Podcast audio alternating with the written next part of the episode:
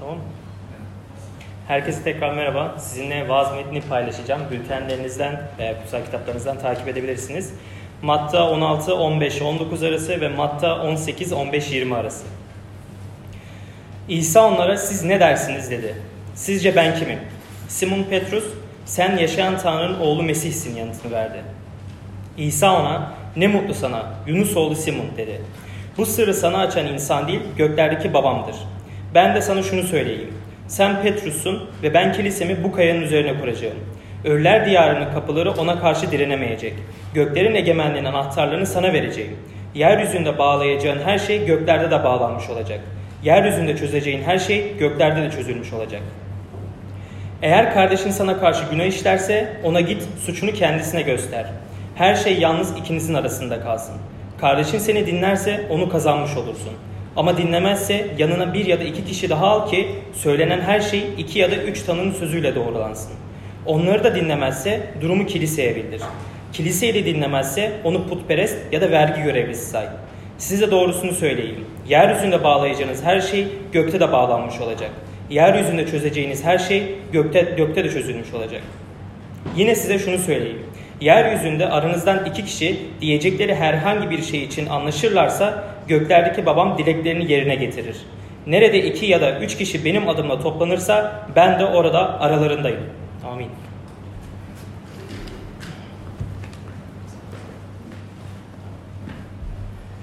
Teşekkürler Cihan'cığım. Evet, yeni seneyi yeni bir vaaz serisinden başladık. Bu arada herkese hoş geldin. Ekranlarda ve burada yüz yüze.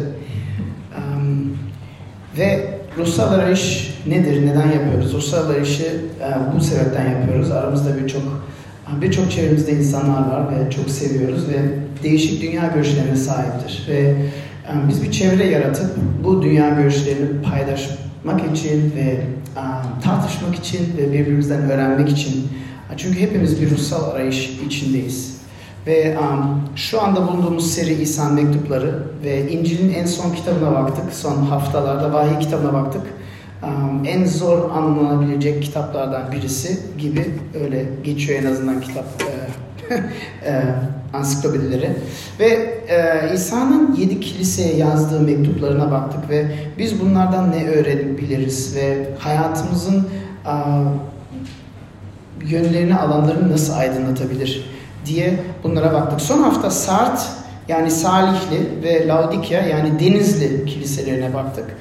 Ve a, orada kilit ve anahtar bir ayet vardı. Simon'un vaazını dinlediyse belki aklınıza belki takılmıştır. İsa orada diyor ki 3. bölüm vahiy 3 19'da diyor ki ben sevdiklerimi azarlayıp terbiye ederim diyor. Onun için gayretli olun, çaba gösterin ve tövbe edin diyor. Ve bu ağır bir söz. Çünkü hiç kimse azarlanmayı sevmez. En azından ben sevmiyorum ve bunu okuduğumuzda nasıl yani diye düşünebiliriz. Ve bunun anlamı nedir? Yani önemi nedir? Hayat terbiye edilmeden, azarlanmadan daha güzel olmaz mı? Sorusunu sorabiliriz ve bugün bu ayetin daha derinine gitmek için Mata'nın 16 ve 17, 18. bölümüne bakıyoruz ve evet biraz zor konu. Bugün ellerim ayağım biraz titriyor farkındasınız. Böyle düştüğüm ilk defa oldu. Onun için benimle sabırlı olmanızı rica ediyorum. Evet ve e, çünkü neden zor konu? Çünkü bir yandan ruhsal iş her zaman diyoruz herkes için ve İsa herkesi davet ediyor, herkesi çağırıyor. Um, ve ve belki bugün buradasınız, ilk defa buradasınız. Belki um, benim birçok arkadaşım gibi ya ateistsiniz ya deistsiniz veyahut um, Müslümansınız. Um, belki e, ne olduğunuzu, neye inandığınızı daha tam keşfetmediniz. Belki inandığınız bazı şeyler mantıksız geliyordur. Hoş geldiniz. Um, ayağınıza sağlık buraya geldiğiniz için. Uh, ama dediğim gibi bir yandan herkesi çağırıyor İsa ama öteki yandan da bu metinleri okuduğumuzda bu çağrıyı kabul etmiş olan insanlar var ve o başka bir grup uh, ve başka bir sorumluluğa dahil uh, diye diyebiliriz aslında. Şu örneği vereyim. Benim çocuklarım um, birçok zaman bize geliyor diyor ya baba diyor sınıfında şu şu şu cep telefonu hediye almış veya şu şu şu evde e, PlayStation'ı var veya şu şu şu e, bunu yapabiliyor. Ben diyorum çok güzel oğlum ama onlar benim çocuklarım değil. Onların anne babası kendi bildiklerine göre, kendi bilgeliğine göre karar vermeleri lazım. Ama bizde böyle bir şey yok. Tabii siz ne kadar e, çocukların ne kadar mutlu olduğunu tahmin edebilirsiniz. Ama vurgulamak istediğim şey şu. Herkesin baş bir sorumluluğu var ve benim sorumluluğum kendi çocuklarımı eğitmek ve başka anne babaların sorunu onların çocuğunu terbiye edip eğitmek. Ve bugün size bu bakış açısından üç tane şey paylaşmak istiyorum. Üç konuya dokunmak istiyorum. Um, çağrılmışlar topluluğun hayat düzeni, çağrılmışlar topluluğun gündelik değişimi ve çağrılmışlar topluluğun yetkili gücü. Üç tane e, konuya dokunmak istiyorum. Çağrış, çağrılmışlar topluluğun hayat düzeni. Hiç bilmiyorum kendinize sordunuz mu? Futbol koçları var birçok. E, gazetede okuyoruz, takip ediyorsunuz. Bilmiyorum en çok sevdiğiniz takım nedir? E, hiç düşünebiliyor musunuz bir futbol koçu takımını antrenman ediyor, eğitiyor ama hiçbir oyuncuyu eleştirmiyor. Hiçbir oyuncuya gidip bak burada bunu yanlış yaptın demiyor. Hiç düşünebiliyor musunuz? Bu, bu iyi bir koç olur mu sizce? Veyahut bir okulda bir hoca. Düşünün ders veriyor, öğrencilere bir şeyler anlatıyor ama öğrencinin hatalarını hiç eleştirmiyor. Hiç eleştirmiyor. Sadece öğretiyor, kapıdan çıkıp gidiyor. Bu iyi bir hoca mı sizce? Veya düşünün bir doktora gidiyorsunuz size bahsediyor işte şöyle besleneceksin, bu sağlıklı, bu önemli, hareket edeceksin. Ama bakıyor kanserin var ve kanserini tedavi etmiyor. Bugünkü konu aslında biraz bununla ilgili ve bunu daha iyi anlamak için e, metnine bakmak istiyorum sizinden. E, önce 16. bölüme bakacağız. 18. E, ayete bakarsanız 18. ayette diyor ki sen Petrus'un, İsa söylüyor. Sen Petrus'un ve ben kilisemi bu kayanın üzerine kuracağım diyor. Ve bu çok ilginç çünkü bakın bağlamı şu. Mata'nın zirve noktasındayız. Birinci zirve noktasındayız. Mata'nın um, 30 küsür, küsür bölümü var. Ve burada ilk defa İsa'nın kim olduğunu öğrenciler, talebeler ilk, ilk defa İsa'nın gerçekten kim olduğunu anlamış durumdalar. Bakarsanız İsa soruyor, sizce ben kimim diyor. Evvelden halk benim kim olduğumu zannediyor diyor. diyorlar ya bazıları peygamber, bazıları bir hoca, bazıları şu. İsa diyor peki siz benim kim olduğumu zannediyorsunuz diyor. Ve Petrus orada diyor ki sen yaşayan Tanrı'nın oğlu Mesih'sin diyor. Ve bu Mata'nın zirve noktalarından biri. Çok önemli bir nokta. Çünkü bu noktadan sonra İsa'nın talebeleri tavrı çok değişiyor. Bu noktadan sonra ha tamam anladınız şimdi ikinci bölümlere ilerlememiz lazım ve İsa hemen çarmıhtan bahsediyor. Kendi ölümünden konuşmaya bahsediyor. Ve bu bir önemli bir noktaya ulaşmış oluyoruz. Ve hatta 15. ve 16. ayeti karşılaş, karşılaştırırsanız ilginç bir şey görürsünüz. Petrus burada İsa'nın sadece doğumdan verilmiş ismini kullanmıyor, Mesih adını ekliyor. Ve Mesih adı aslında bir fonksiyon yani bir çağrı. Bir, her insanın bir çağrısı var. Son haftada bu çağrı konusunda çok konuştuk değişik değişik insanlarla. İsa'nın çağrısı Mesih olmaktı. Yani bütün eski ayette, bütün o peygamberlerde ki kehanet edilen e, Tanrı'nın egemenliğini getirmek ve aynı zamanda hem güçlü kral olarak ama aynı zamanda acı çeken kul olarak, acı çeken kurban olarak ve bunu birleştiremedi birçok peygamberlerin yazılarını okuduğumuzda ve Yahudilerin e, yorumlarını okuduğumuzda bu iki şeyi birleştiremediğini görüyoruz. Nasıl birisi güçlü kral ve aynı zamanda acı çeken bir kul olur? Bu olmaz ki. İmkansız. Ama burada İsa yeni bir isim diyor. İsa sen İsa'sın ve Mesih'sin diyor. Ve İsa'nın cevabı dikkat ederseniz aynı şekilde diyor ki sen de Simon'sun diyor. Ve Petrus adını koyuyor. Um, bakın bakarsanız sen yaşayan Tanrı'nın oğlu Mesih'sin. Ve İsa'nın cevabı ve sen Yunus'un oğlu Simon Petrus'un. Yani birebir cevapları e, birbirine benziyor. Çünkü birisi aile belirlenen bir is, isim verilen bir ad ve sonradan çağrı. Ve İsa diyor ki Simon senin çağrın kaya olmak diyor. Petrus olmak diyor ve bu çağrını bu fonksiyonun adını veriyor.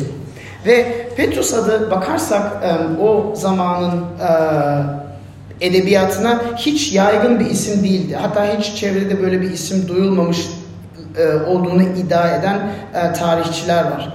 Ve ikinci ilginç şeye gidersek diyor ki kilisemi senin üzerine koyacağım. Kilisemi bu kayanın üzerine koyacağım. Petrus'un anlamı kaya. Yani sen kayasın diyor ve kilisemi bu kayanın üzerine kuracağım diyor. Peki kilise nedir? Kilise en başında da söyledik bir bina değil, bir yer değil. insanlar ve İsa'nın kiliseyi anlattığı birçok metafor var. Bazı yerlerde diyor ki kilise bir sürü gibi diyor, kuzu sürüsü gibi diyor ve ben iyi çobanım diyor. Bazı yerlerde diyor ki ben başım diyor ve kilise benim bedenimdir diyor.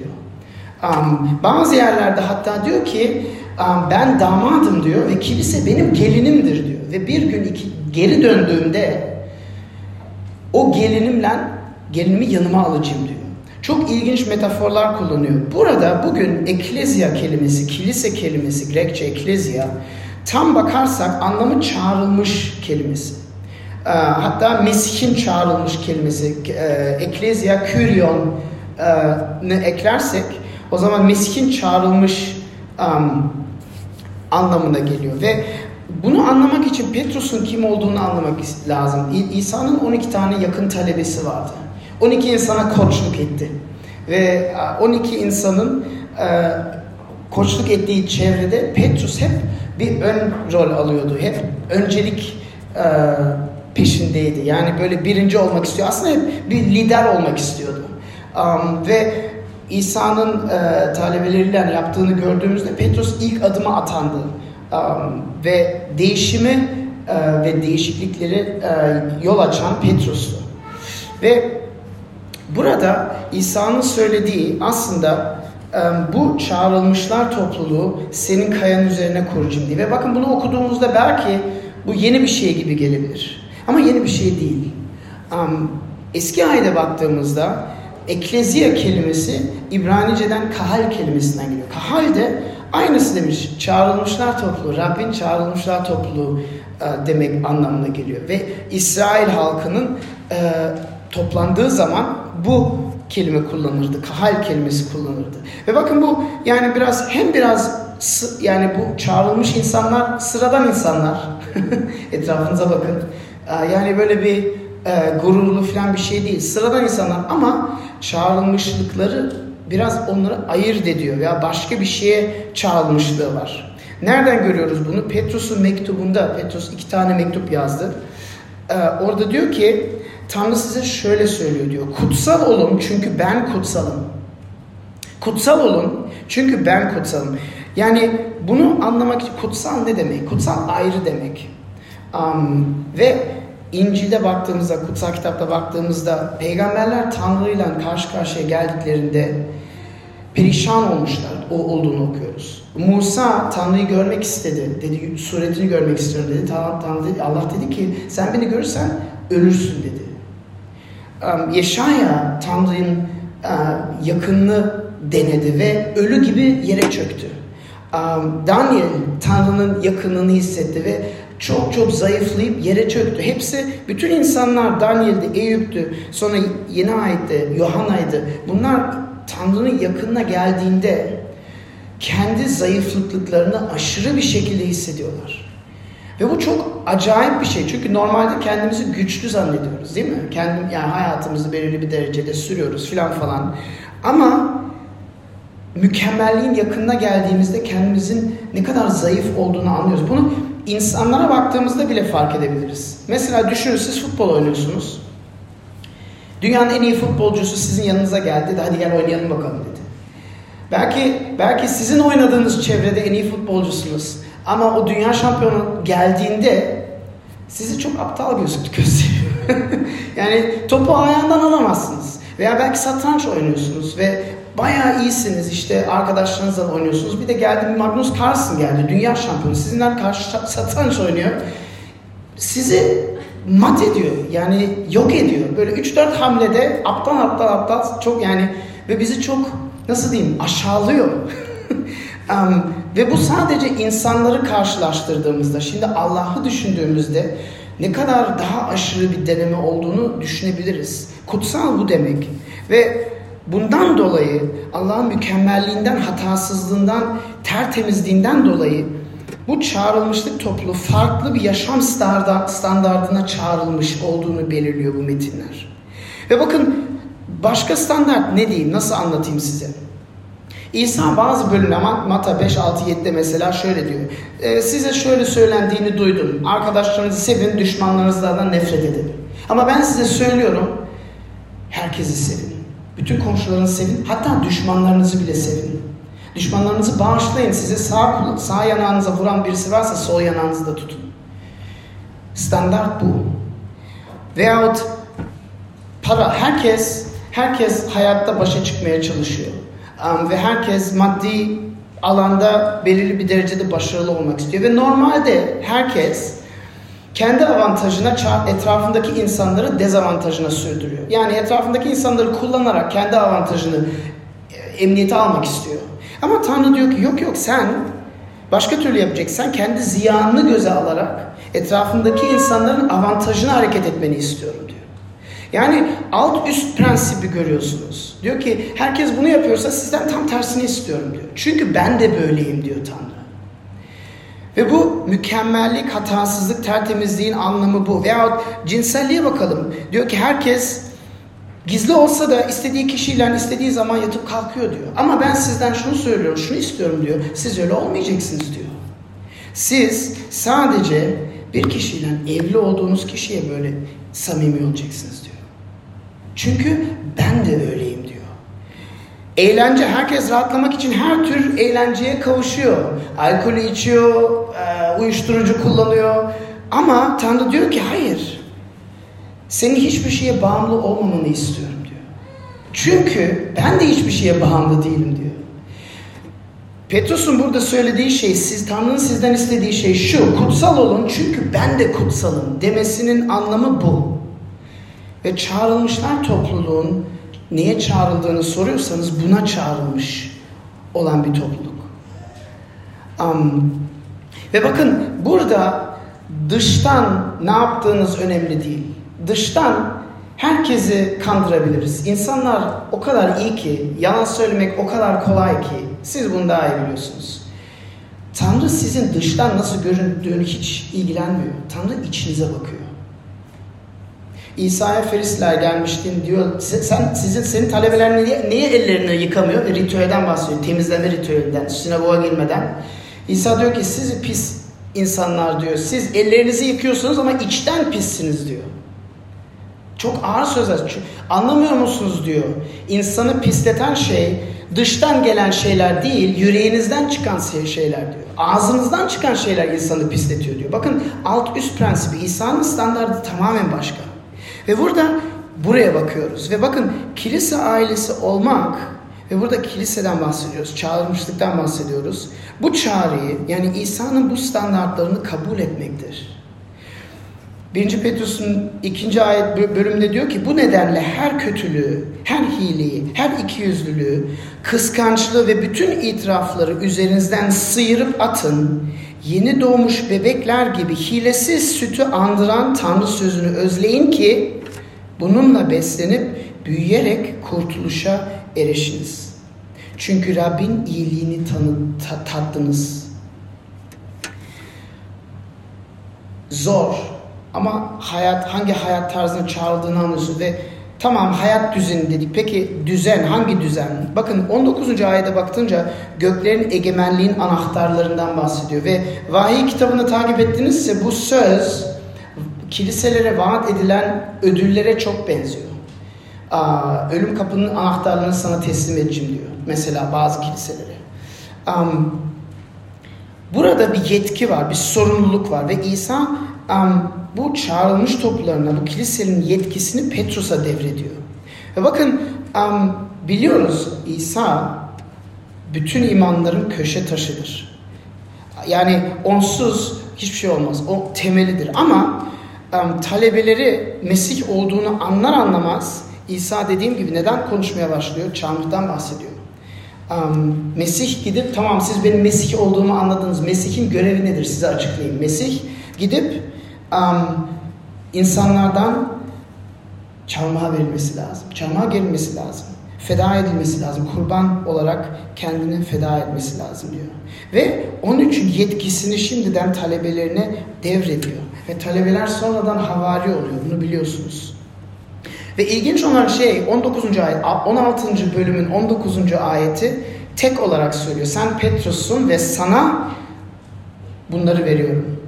Senin bağlayacağın her şey göklerde de bağlanmış olacak diyor. Senin çözeceğin her şey göklerde de çözülmüş olacak. Sonra 18. ayette aynı ayetler yine geliyor. Oradaki 18. ayet, 18. bölümün 18. ayete bakarsanız bu sefer çoğul olarak diyor. İsa buradan bütün talebelerinden bahsediyor. Yani um, kilise sorumluluğu, düzen sorumluluğu, yetkisini Allah İsa'ya devretmiş. İsa Petrus'a devretmiş. Petrus talebelerini, havarilere devretmiş. Ve havariler de ondan sonra gelen insanlara devrediyor. Pastörlere devrediyor, çobanlara devrediyor. Ve 1. Petrus mektubun 5. ayetinde tarzını da anlatıyor. Diyor Tanrı'nın size verdiği sürüyü güdün. Bakın yine sürü başka bir metafor. Zorunluymuş gibi değil. Tanrı'nın istediği gibi gönüllü gözetmenlik yapın. Para hırsıyla değil, gönül rızasıyla size emanet edilenleri egemenlik taslamayan, e, egemenlik taslamadan sürüye örnek olarak görevinizi yapın.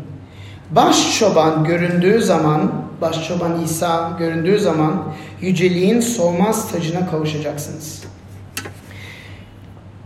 Peki neden?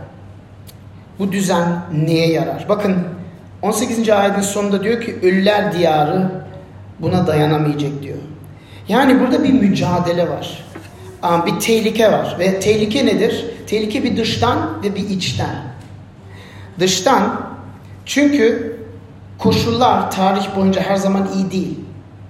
Zulme uğrayan birçok Hristiyan var. Birçok İsa'nın yolunu ta- takip eden birçok insan şiddetle aşırı bir şekilde öldü. Geçen haftalarda buna baktık. Ama daha tehlikeli olan şey çünkü dış koşullarını kontrol edemeyiz hiçbir zaman ama daha tehlikeli olan şey içten. İçten çünkü hepimiz günahkarız. İçten çünkü hiçbirimiz kendi yüreğinde ne olduğunu derinliğinde kavrayamıyor. 20'ye 17.9'da diyor ki insan kendi yüreğinde olanı nasıl anlasın ki? Bunu tek anlayabilecek Allah'tır diyor. İçteki tehlike daha daha yüksek. Ve bakın onun için bu bağlamak ve çözmeye gittiğimizde bu ne demek? Bağlamak ve çözmek. Doğruyu ve yanlışı ayırt etmek demek. Ve doğruya doğru ve yanlışa yanlış diyebilmek demek. Bunu cesaret edebilmek demek. Um, kardeşler arasında anlaşmazlık olduğunda, haksızlık olduğunda çözüm bulmak demek. Sürüyü güdün diyor. Yani çoban metaforunu koyuyor. Bakın çoban koyunlara bakardı biliyor musunuz? Koyun demek ne demek biliyor musunuz? Bilmiyorum. Ben şehirde büyümüş bir çocuğum. Ben bunu okuduğumda güzel bir çizgi filmdeki bir resim görüyorum. O ne kadar tatlı. Kuzu, koyun filan. Ama bakın çobana söylerseniz bunun nasıl bir hakaret olduğunu size açıklar. Çünkü koyunlar bayağı aptal, inatçı, nankör ve isyankar hayvanlar. Dağın başına gidiyor, uçurumdan düşecek ama çağırıyorsun geri gelmiyor. Çobanlar peşinden gidince ayaklarını bağlayıp omzuna alıp inadına geri götürüyordu çobanları. Ölümden kurtarmak için. Böyle hayvanlarla bizi karşılaştırıyor İsa burada. Bu bayağı bir hakaret ama kendi hayatımıza baktığımızda belki anlayabiliyoruz neden bu karşılaştırmayı kullanıyor. Bakın burada insan doğasının temelini çok net bir şekilde meydana vuruyor ve biliyorum birçok dünya görüşü diyor ki insan iyidir. Ve iyi olmak tek önemli şey. İnsan olmak, iyi olmak, iyi ol yeter. Nasıl iyisin ya? Her insan iyi olsa dünya böyle olur mu? Her baktığımız yerde savaş var. Dünyanın ne kadar yeterince her şey var. Yine de bazı yerlerde insan açlıktan ölüyor. Bazı yerlerde insanlar para içinde yüzüyor. Nasıl yani iyi insan? Nasıl bir iyi insan? Ben de böyle büyüdüm. Ben iyi bir insanım. Ben yaşlılara saygılıyım. Annemi babamı severim. Sonra sordular bana. Sen hiç annene yalan söylemedin mi? Babana hiç bağır, bağırmadın mı? Saygısız davranmadın mı? Araba sürerken İstanbul'da hiç sinirlenmedin mi? Bağırmadın mı? Nasıl iyi insan? İyi insan diye bir şey yok. İnsan doğası insanı koyuna benzetmiyor. O kadar aptal, nankör, isyankarız. Ve bakın İsa herkesi davet eder. Herkesi çağırır ama şunu der. Olduğum gibi gel ama şunu demez. Olduğum gibi kal demez. Kesinlikle demez. Olduğum gibi gel ama olduğun gibi kal demez. Bilakis hayatını alt üst eder. Bakın neden? Um, sevdiği, o bizi sevdiğinden. Bakın bilmiyorum hiç düşündünüz mü sevginin karşıtı nedir? Sevginin karşıtı nedir? Soruyorum size. Hiç kimse bilmiyor. Ödül, ödül mü vermek lazım? Sevginin karşıtı belki sorduğunuzda birçok insan der ki sevginin karşıtı nefret. Çok basit. Ama bakın nefret değil. Sevginin karşısı nefret değil. Sevginin karşısı ilgisizlik. Ne yaparsan yap valla hiç. Onurunda bile değil. Ölürsen öl, yaşarsan yaşa. Bu sevginin karşısı. İlgilenmemek sevginin karşısı. Ve Romalı 1'de Rab en aşırı, en korkunç şey yapıyor. Allah en aşırı, en korkunç şey yapıyor. Diyor ki bu yüzden Tanrı onları yüreklerin tutkularının içinde ahlaksızlığa teslim etti diyor. Teslim etti diyor. Yani diyor ki ne yaparsanız yapın. İlgilenmiyorum. Bunu anlamak için şunu düşünmemiz lazım. Her insanın hayatında lütfuyla, sevgisiyle onu kendinden koruyor. O uçurumdan düşmesinden koruyor. Daha aptal, daha kötü şeyler yapmaktan koruyor. Rab bu etkisini geri çekerse hepimiz bir Hitler, bir Stalin veya bir Mao gibi yaşayabiliriz. Rab bu lütfunu hayatımızdan geri çekerse her şeye, her şey, kötülüğümüz her şeye yeter. Sevginin karşıtı ilgisizlik. Onun için İsa diyor ki sevdiğim kişileri azarlarım, sevdiğim kişileri terbiye ederim. Gelelim ikinci noktaya. Um, Çağmışlar topluluğu gündelik değişimi. Um, peki nasıl? Dedi ki İsa herkese gel diyor ama hiç kimseye kal demiyor. Ol, olduğun gibi kal demiyor. Bakın Luther 1900, 1517 senesinde gidip um, Katolik Kilisesi'nin kapısına o 95 tez çivilemiş durumda. İlk tez neydi biliyor musunuz? İlk tez şuydu. Diyor ki Rabbimiz İsa Mesih imanlıların tüm yaşamının merkezinde tövbe olmasını diler diyor. Ve kiliselere yazılan mektupları hatırlarsanız vahiy kitabından en sonunda ne diyor hep İsa? Tövbe et diyor. Tövbe et. Ve bakın bültenin arkasında tövbenin nasıl bir şey olduğunu e, bir resimle açıklıyoruz. İlk önce din, dinlemek lazım. Nerede hatalıyım? Kavramak lazım. İkinci olarak pişman olmak lazım. Sadece ah keşke keşke beni kapmasalardı. Kimse görmeseydi bir şey olmazdı. Hayır. Gerçekten pişman olmak lazım. Çünkü Allah her şeyi görüyor. Yapmamaya yapmamayla ilgili tedbir almamız lazım. Ve bakın bu sağlam bir çevre ister. Size psikologlar ve sosyologlar kitaplarını okursanız şunu söyler, net bir şekilde söyler. İnsan insansız değişemez.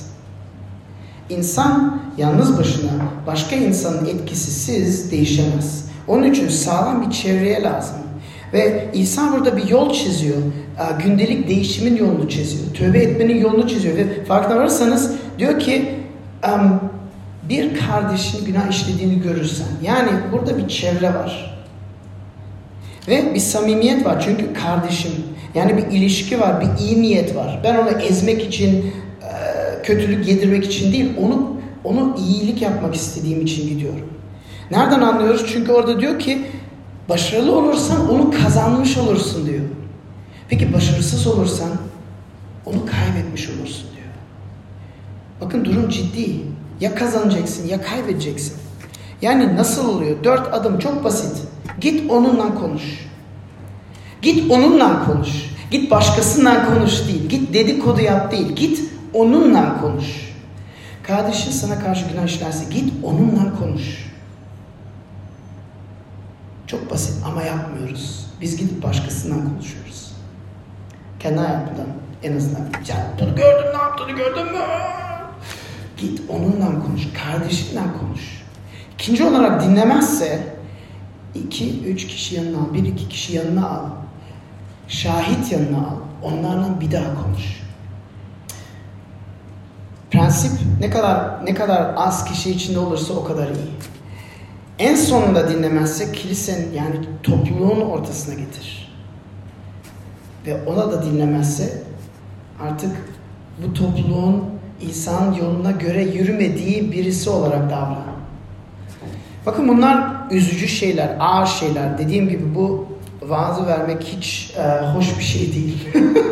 um, ama önemli bir konu çünkü okuyoruz ve um, çevremizi korumamız lazım. Um, çevremizi korumamız lazım ve bakın kimse azarlanmayı sevmez ama bunsuz da gelişmek imkansız olur. Bunsuz kimse kimseye dikkat etmezse bu nasıl bir sevgi, nasıl bir ilgi? Bu ilgisizlik. Ve bunsuz insanları nasıl korumak mümkün? Mümkün değil. Um, siz bunu du- duyduğunuzda bunu yapıyor musunuz? Yapmıyorsanız bunu yapmaya gayret ediyor musunuz? Bakın ilk adım çok önemli. Kardeşin günah işliyorsa git onunla konuş. Bunu yapmamız lazım. Ve bakın iki tip insan var. Birisi huzur sever. Benim babam huzur sever. Huzur seven insan bunu az yapar. Çünkü tartışmaktan üşenir. Benim annem eleştirmeyi sever. Eleştirmeyi seviyorsanız bunu fazla yaparsınız. Tam ortasında dengeyi bulmak lazım. İki tane örnek vereceğim size. Veya zaman ilerledi. Petrus'un e, örneğini vereceğim. Petrus'un, e, Paulus'un yazdığı mektubun, Galatyalı mektubun ikinci bölümünde diyor ki ben Petrus'a yüzüne karşı çıktım diyor. Bakın Petrus kim olduğunu anladık değil mi? Önemli birisi. Paulus sonradan gelmiş. İsa'yı yaşadığı zaman hiç görmemiş biri. Kiliseyi takip edip Hristiyanları öldürmeye razı olan biri ama sonra dönüyor. Bu kişi kilisenin en önemli insanına karşı çıktım diyor. Neden karşı çıktım diyor? Çünkü bir ayrımcılık yaptı diyor ve bu müjdeye karşıydı diyor. Ayrımcılık yaptı. Nasıl? Yahudiler yokken yabancılarla olup yemek yedi diyor. Yani gavurlarla oturup yemek yedi diyor. Ama Yahudiler gelir gelmez ayırıp onlarla konuşmamaya başladı diyor. Ve bu iki yüzlülük diyor. Petrus kendi mektubunda yazdı. Aranızda iki yüzlülük olmasın diyor. Ve onun için Paulus diyor ki ben ona karşı karşı çıktım ve bunu gösterdim diyor. Ve geri döndü, tövbe etti diyor. Bakın ne kadar önemli. Kardeş dediğimiz insana dikkat etmek.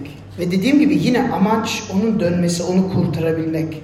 Um, ve bakın bu Türk toplumuna baktığımda um, bu çevremizi korumak çok önemli. Ama toplumsal bazı sorunlarımız var. Ben bunu erkek olarak görüyorum. Bizim toplumumuzda erkeklere öncelik tanınıyor.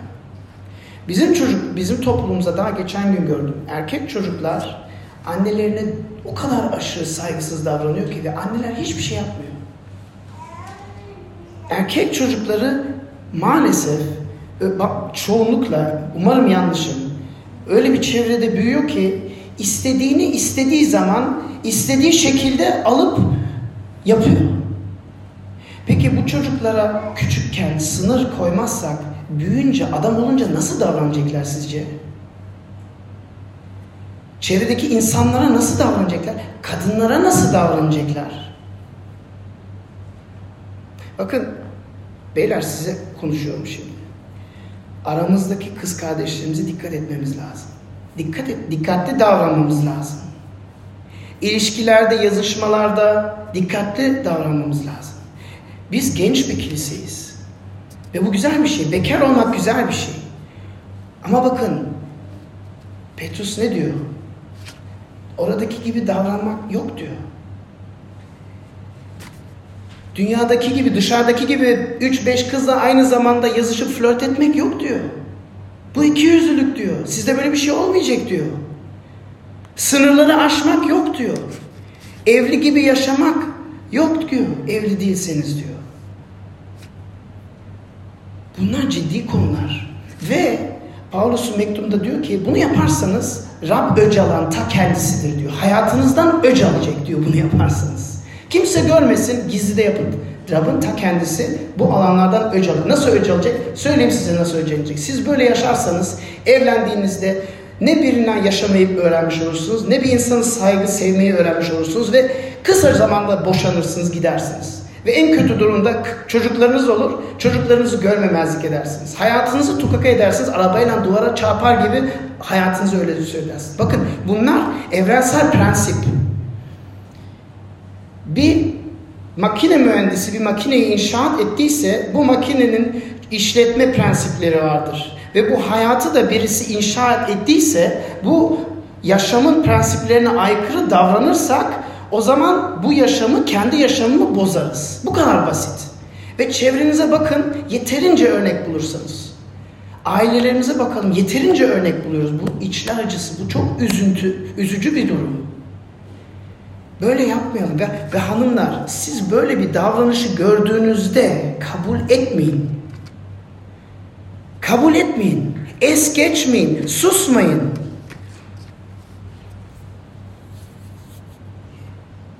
Biz birbirimize dikkat etmeliyiz. İsa'nın verdiği örneği göre yaşamalıyız. Çağrılmış topluluğun bir parçası olmak bu demek. Bu topluluğun arasında olan herkes korunmuş bir toplumda olması lazım. Ve en kötü şey, en kötü şey birisi kendisine kardeş derse, yani ben İsa'ya inanıyorum, onun kurallarına inanıyorum deyip gizlice başka türlü yaşarsa. Ve bu insanlara dikkat etmemiz lazım. Çevremizi korumamız lazım. Peki bunları yapabilmek için cesareti nereden alacağız? Son noktaya geliyorum. Yetkili güce geliyorum.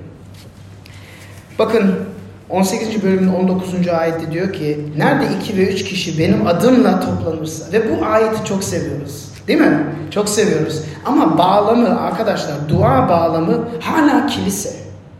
Hala kilise bağlamındayız. Ne diyor? Yeryüzünde bağlandığınız her şey bağlanmış olacak. Yeryüzünde çözülmüş olan her şey çözülmüş olacak. Yeryüzünde benim adımda iki veya üç anlıyor musunuz? Aynı bağlam. Oradan o tek ayetleri alıp başka yere götürmeyin. Bağlam hala kilise çevresi, kilise ailesi. Dua. Ve neden bu önemli? Çünkü dua ederken tanımak ve tanınmak önemli. İnsanları tanımamız lazım. Onlar için dua etmemiz lazım. İsa ve 12 talebesi gibi, İsa 12 talebesiyle beraber aile gibi yaşadı. Hatta bir ara Orta Doğu'da büyük bir büyük bir şey yani bir ara öğretiyor. Birileri geliyor diyor annen ve kardeşlerin geldi diyor. İsa ne diyor? Öğrencilerini gösteriyor. Benim annem ve kardeşlerim burada diyor. Benim aile, ailem bu diyor. Bakın ne kadar ciddiye alıyor bu işi. Benim ailem benim sözümü dinleyip yapan diyor. Birbirimiz için, çevremizdeki insanlar için, kentimiz için, milletimiz için ve dünyadaki acı çekenler için kendimizi çeki düzen vermemiz lazım. Ve dua etmemiz lazım. Benim adımla dua eden olursa ben aranızdayım diyor. Ve bakın bu bu ne demek? İsa'nın çağrısına göre dua etmek demek. Ben daha büyük bir araba istiyorum diye dua etmek demek değil. İsa'nın çağrısı bu değil. Daha büyük bir ev istiyorum demek değil. Yani metni çevirmeyelim lütfen. İsa'nın çağrısına göre dua ettiğimizde yani siz kutsal olmaya çağrıldınız. Siz kardeşlerinizi kazanmak için çağrıldınız. Bu amaçlarla göre dua etmekten bahsediyor. Bakın İsa bize dua yetkisi veriyor. Güç ve kuvvet oradan veriyor. Ve ondan diyor ki ölüler diyarının kapılarının karşı direnemeyecek diyor. Ve bakın burada biraz düşünürsek nasıl yani? Duamı Allah neden dinlesin? Birçok insan dua ediyor dünyada biliyor musunuz? Ama birçok insan sorarsanız ya Allah benim duamı işitir mi işitmez mi bilmiyorum. Dua ediyorum çünkü bana dua et diyor diyor. Ve haklılar çünkü biz hak etmedik ki onun bizim dualarımızı dinlesin. Bakın siz hiç bu soruyu duydunuz mu? İyi insanlara neden kötü şeyler oluyor? Bu soruyu hiç duydunuz? Bunun üzerine bir kitap yazıldı. İyi insanlara neden kötü, iyi insanlara neden kötü şeyler oluyor? Bakın insan tarihinde bu sadece tek bir defa olmuştur. İyi insanlara kötü şey bütün insan tarihinde ve bütün gelecekte sadece bir defa olmuştur. Ve nerede oldu biliyor musunuz? Zamanını da söyleyebilirim. Milattan sonra 33 senesinde olmuştur ve Getsemane bahçesinde olmuştur. Getsemane bahçesinde İsa telebirini topluyor diyor ki benimle dua edin ben çok kötüyüm diyor. Çok korkuyorum diyor. Çünkü ertesi güne çarmıha gireceğimi biliyorum diyor. Benimle dua edin diyor. Ve sizden okuyucu Mata 26-39'da diyor ki yüzüstü yere kapanıp dua etmeye başladı. Göklerdeki babam dedi. Mümkünse bu ölüm kasesi benden uzaklaştırılsın. Yine de benim değil senin isteğin olsun. İyi insanlara neden kötü şeyler oluyor? İyi insanlara kötü şeyler olmuyor. Tek bir defa bu da İsa. İnsan tarihinde tek günahsız yaşamış olan insan, tek mükemmelliğe erişmiş olan insanın duası Allah tarafından reddediliyor. Reddediliyor. Neden? Ki bunun sayesinde bizim dualarımız reddedilmesin diye. Müjde size, İsa size iki şey söylüyor. Bir, siz tahmin ettiğinizden çok daha berbatsınız ve çok daha günahkarsınız. Kendi kendinizi kurtaramaz halinizdesiniz diyor. Ama iki, Allah sizi tahmin edebileceğinizden daha değerli kılıyor. Sizi tahmin edebileceğinizden daha fazla seviyor. Ve sizin yakınınızda sizi çağırıyor. Gelin, gelin diye çağırıyor diyor. Bu iki şeyi birleştirmemiz lazım. Ve burada bir değiş dokuş oluyor bizi kurtarabilmesi için. İsa'nın duası reddedilmesi lazım. Bizi kurtarılabilmesi için ölüler diyarının kapılarına dayanabilmesi için İsa'nın kendisi ölü, ölüler diyarına inmesi lazım. İsa çarmıhta en berbat, en acı çeken bir ölümü çekip cehenneme indiğini okuyoruz. Tanrı'nın bir azabını üzerine aldığını okuyoruz. Bizim yerimize, kendini bizim yerimize feda ettiğini okuyoruz. Günah sunumuz olarak, kurbanımız olarak kendini feda ettiğini okuyoruz. Çünkü o onu yapmasaydı bizim yapmamız gerekecekti. Allah'ın gazabını üzerine aldı ki böylece biz günahımızı gördükçe korkmadan, üşenmeden pişman olarak tövbe edebilelim diye. Bakın tövbe edebilmek o kadar büyük bir ayrı bir hak ki. Bakın hiçbir insan hangi dünya görüşe inandığı inansın hiçbir insan seve seve tövbe etmez. Çünkü çok aptal bir şey. Kendi hatalarımı itiraf ediyorum. Bunun ödülü yok. Sadece cezası var. Ama İsa'da tövbe ettiğimizde bizim günahlarımızı affediyor. Ve bize karşı günah işlediyse başka birisi bize hatırlatıyor. Ben size nasıl affettiysem siz de herkese affetmeniz gerek diyor.